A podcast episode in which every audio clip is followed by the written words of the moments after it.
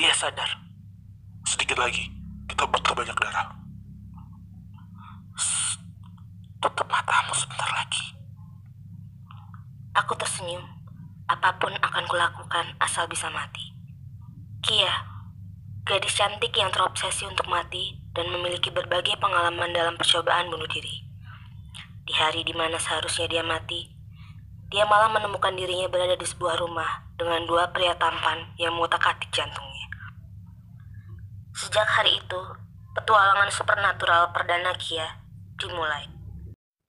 Momen sebelum bunuh diri itu sama seperti pengalaman pertama menaiki wahana di Dufan.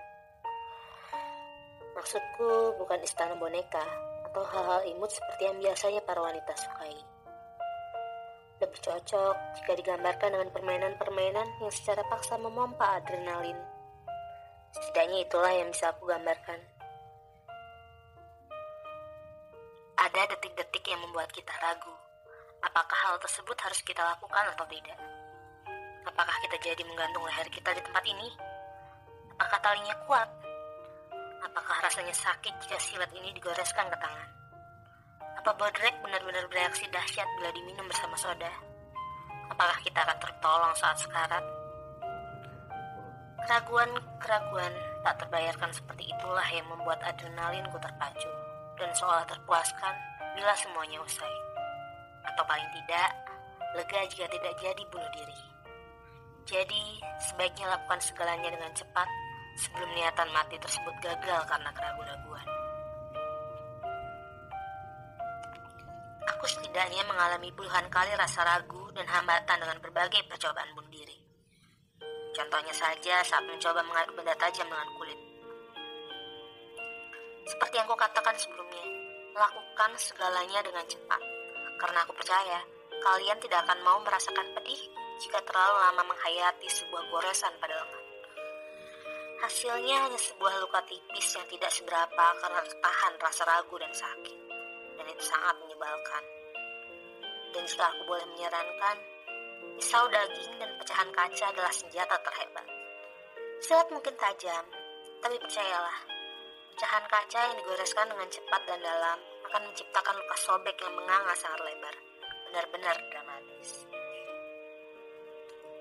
Praktek bunuh diri dengan benda tajam adalah pengalaman pertama dan yang paling sering aku lakukan. Aku sempat melakukan percobaan lain dengan boldrek yang diminum bersama dengan soda. Beberapa orang bilang paramik lebih manjur.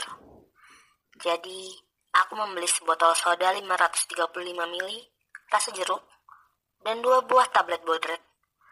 Sekedar berjaga-jaga saja.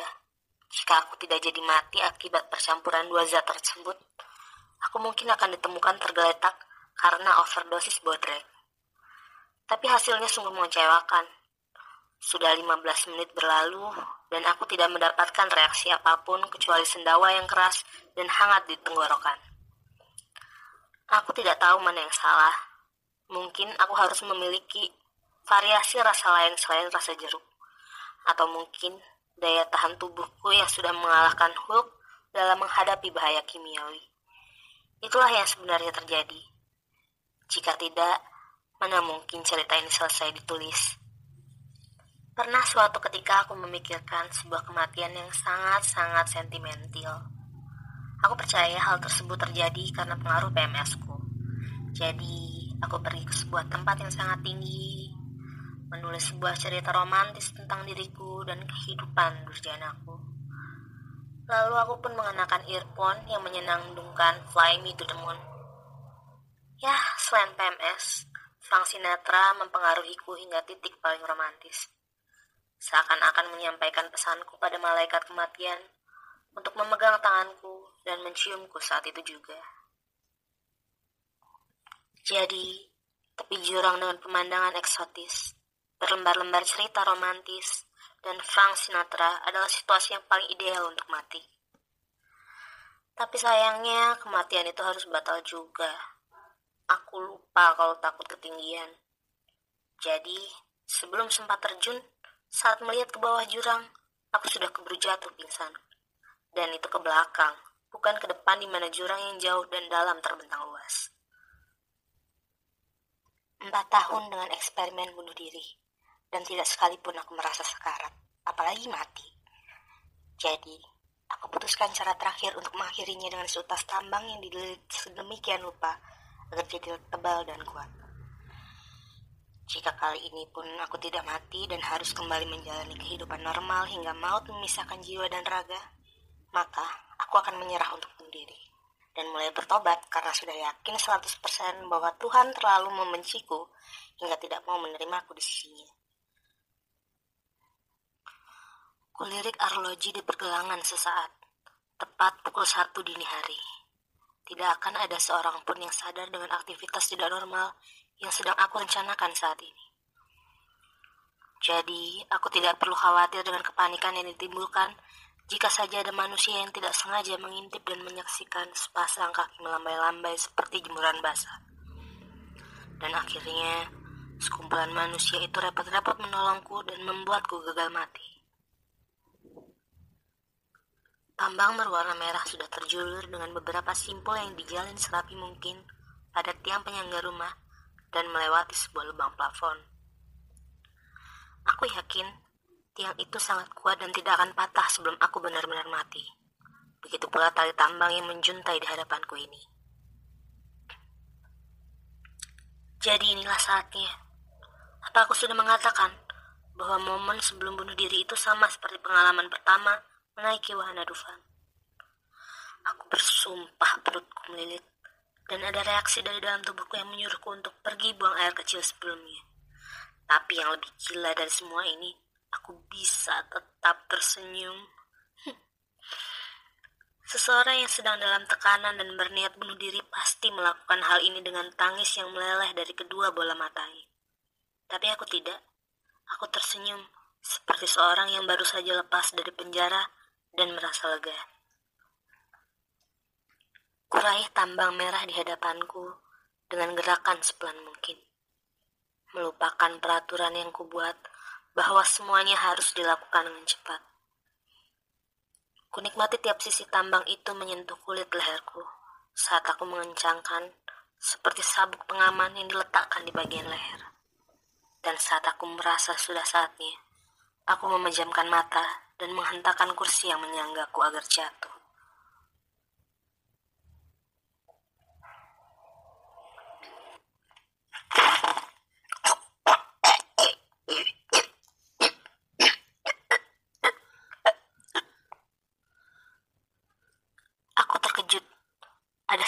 Yang membuatku panik sesaat.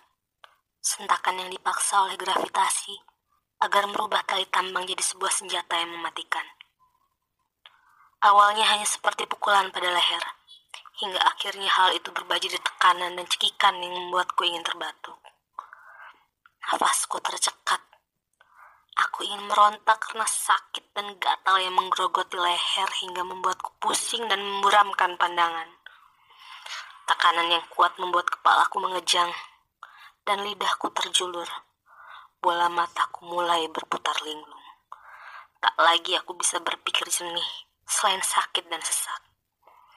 Saat-saat terakhir yang kurasakan adalah sinar putih yang berpendar-pendar, lalu bulu-bulu yang berterbangan dan juga kepakan sayap yang bersuara pelan seperti hentakan spray basah.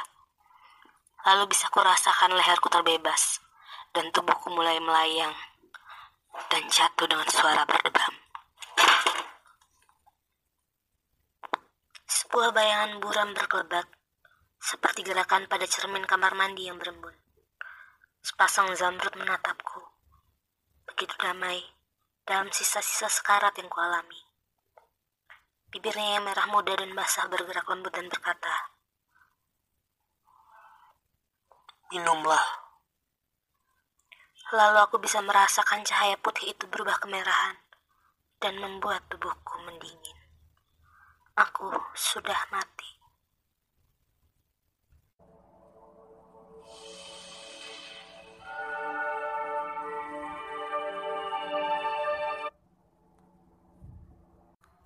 Tubuhku menghentak dengan setengah sadar, seperti jatuh dari mimpi dan kembali ke alam nyata. Mataku yang buram memandang tipis pada pergerakan sibuk di sekelilingku. Mereka bergerak dengan kumpulan cahaya yang menerangi dari atas mereka, seperti bagian mentari yang menampar-nampar wajahku. Mereka putih dan hitam.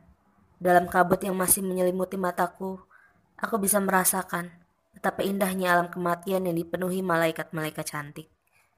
Bulu-bulu beterbangan, menyapu pipiku dengan lembut dan berbunyi.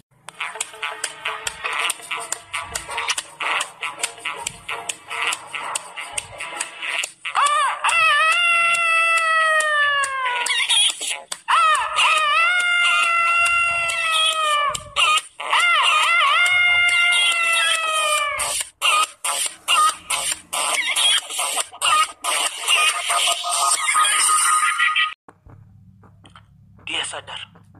Sedikit lagi, kita bakal banyak darah. Shh, Tutup matamu sebentar lagi. Aku tersenyum. Apa pun akan kulakukan asal bisa mati. Ada suara serak yang dalam keluar dari tenggorokanku saat aku terbangun. Nadanya seperti seorang ibu yang mendapati anaknya berbuat nakal. Bukan berarti aku sedang jengkel atau apa. Perasaanku saat ini hanya seperti terbangun dari tidur nyenyak dan mendapati suasana dari lingkungan sekelilingku dan berkata, Oh, ini toh akhirat. Dinding yang disusun dari bataku kehitaman dan terlihat sedikit kotor karena terkikis. Lantai ubin yang retak di beberapa sisi, persis seperti jatuhnya meteor. Dan oh, apa itu plafon? Lebih terlihat seperti atap yang ditutupi triplek. Jebol di sana dan di sini dan hanya dua petak yang tertutup. Itu pun tidak menutup sempurna, hingga aku bisa melihat asbes dan kayu-kayu penyangga. Satu-satunya yang nampak luar biasa adalah sebuah lampu neon besar, bulat, dan panas yang bersinar terang tepat di atasku. Karena terlalu besarnya, aku yakin akan buta jika terlalu lama menatap. Aku menduga jika perasaan Tuhan pasti sedang buruk hingga meletakkanku di tempat seperti ini. Tapi aku masih beruntung dengan tidak melihat kobaran api di sekelilingku. Walau mungkin sebentar lagi akan ada peringatan hujan nanah. Mataku sibuk mengagumi lingkungan baru ini dari atas ranjang besi yang mirip ranjang rumah sakit. Lalu ujung mataku menangkap pergerakan pintu yang dibuka oleh seseorang. Mungkinkah itu malaikat yang akan miksaku? Tanpa sayap, otak ini bertanya-tanya tentang sosok pemuda berambut hitam pekat, dengan poni yang menutupi sebelah matanya yang aku yakini berwarna hijau dan bening. Hampir saja aku melompat ke arahnya dan berteriak, Siksa aku sepuasnya kawan, karena terpengaruh bentuk fisiknya yang mampu mengalahkan seluruh personil boyband. Dia melangkahkan kaki ke arahku dengan keluasan model di atas catwalk. Ada senyum di wajahnya yang putih pucat dan dibumbui sedikit flek. Dan sekali lagi hampir membuatku berteriak, tapi sukses tertahan dan hanya keluar dengan nada hmm yang serak. Bagaimana perasaanmu sekarang? Hmm, ya, tidak pernah merasa sesegar dan sesehat ini sebelumnya. Kamu masih harus beristirahat. Pencakokan jantungnya berhasil, tapi bakal makan waktu lama untuk tubuhmu beradaptasi. Terlebih, tulang igamu masih belum sepenuhnya menyatu. J jantung apa? I iga apa? A- aku, aku matikan. Ekspresi pria itu dibentuk hingga membuatku tak yakin dengan apa yang kutanyakan. Aku memperhatikan sekelilingku dan ranjang rumah sakit yang kududuki sekali lagi. Lalu, aku teringat dengan sebuah lampu yang menaungiku di atas. Aku menyadari bahwa lampu mega raksasa itu lebih mirip lampu operasi. Dan aku mulai membelalakan mata hingga nyaris akan copot. Semua kemungkinan yang terlintas dalam pikiranku menyatu dan melebur seperti sup krim dalam mangkuk. Sekarang, bukan lagi kekaguman yang keluar dari diriku saat menatap mata hijau itu, tapi panik dan takut. Aku meloncat dari tepi ranjang dan meletakkan diriku di pojok ruangan, memastikan tubuhku berada di posisi aman. Tenang, aku bisa menjelaskan segalanya. Kamu adalah makhluk paling nista di dunia. apa? Dan jangan mencoba maju. Gak seharusnya kamu melakukan ini sama aku. Denger ya, ini tuh ilegal. Bahkan Bahkan aku nggak pernah menandatangani berkas apa pun yang menyatakan untuk mendonorkan bagian tubuhku meski aku mati. Catat itu. Ah, tapi kamu belum mati. Jadi kamu menukarnya? Kau tahu jantungku sehat, makanya kamu menukari dengan jantung lain agar bisa menjual jantungku, kan? Ah, ya Tuhan. Kau berteriak. Kau berteriak. Aku juga bisa berteriak. Ah, dengar? Lebih bagus daripada teriakanmu. Aduh, kalian ngapain sih? Berisik banget.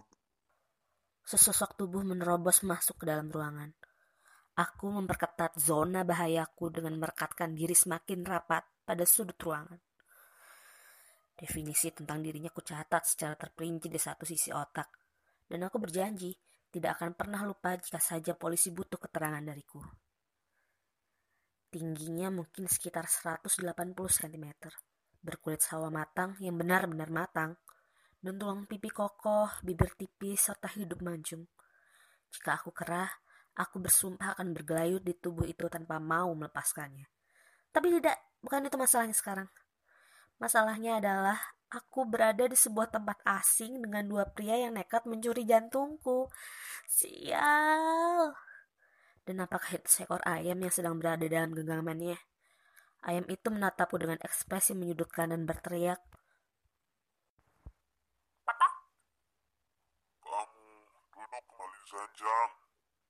Apa? Apa kau baru saja memerintahku? Uh, apa? Dia nggak bakal dengerin kita. Ya, benar, benar. Satu-satunya yang akan aku dengar adalah keterangan kalian di pengadilan. Sumpah ya, ini benar-benar kelewatan, tahu nggak sih? Dengar, kesalahan kalian yang pertama adalah seenaknya mengutil organ tubuh aku tanpa izin. Ngutil aja udah salah secara hukum, apalagi yang diambil nih organ manusia dan yang paling penting. Ini yang paling keterlaluan. Kalian udah tega-teganya merenggut momen kematianku yang penting dan berharga. Kalian bener-bener gak termaafkan. Ah, Prana, Prana. Mending kamu aja yang jelasin. Hmm, sebenarnya kamu memang sudah mati. A apa? Mencakukan jantung itu untuk menyelamatkan. Ma maksudnya? Aku tidak mengerti. Pemilik mata zamrud bernama Prana itu mendekat dengan kecepatan yang mengejutkan. Yang kurasakan hanya angin berhembus sampai aku menyadari sosoknya sudah berdiri di depanku. Tangannya yang kekar mencengkram kerahku dan membuatku cemas. Dan sebuah sentakan cepat merobek bagian depan kemejaku. Membuat gundukan dadaku yang polos terpampang jelas. Kamu udah mati. Dan ini yang membuatmu tetap sadar. Prana menunjuk pada sebuah garis luka yang masih terlihat segar yang membelah igaku. Tapi bukan itu yang membuat mulutku menganga. Bukan pula ketidaksopanannya yang memamerkan dadaku tanpa si izin empunya. Yang membuatku ngeri adalah jari-jari panjangnya yang menyusup pelan-pelan ke dalam lukaku semudah memasukkan tangan ke dalam cheesecake. Aku mematung merasakan tiap pergerakan yang menjelajah ke dalamku. Dan pada akhirnya, ujung jari itu bermuara pada bagian terdalam yang kusebut jantung dan menciptakan deser hebat di sekujur tubuhku. Detik berikutnya, aku pingsan. Hei, kamu tidak apa-apa? Hei, bertahanlah. Mm, sial.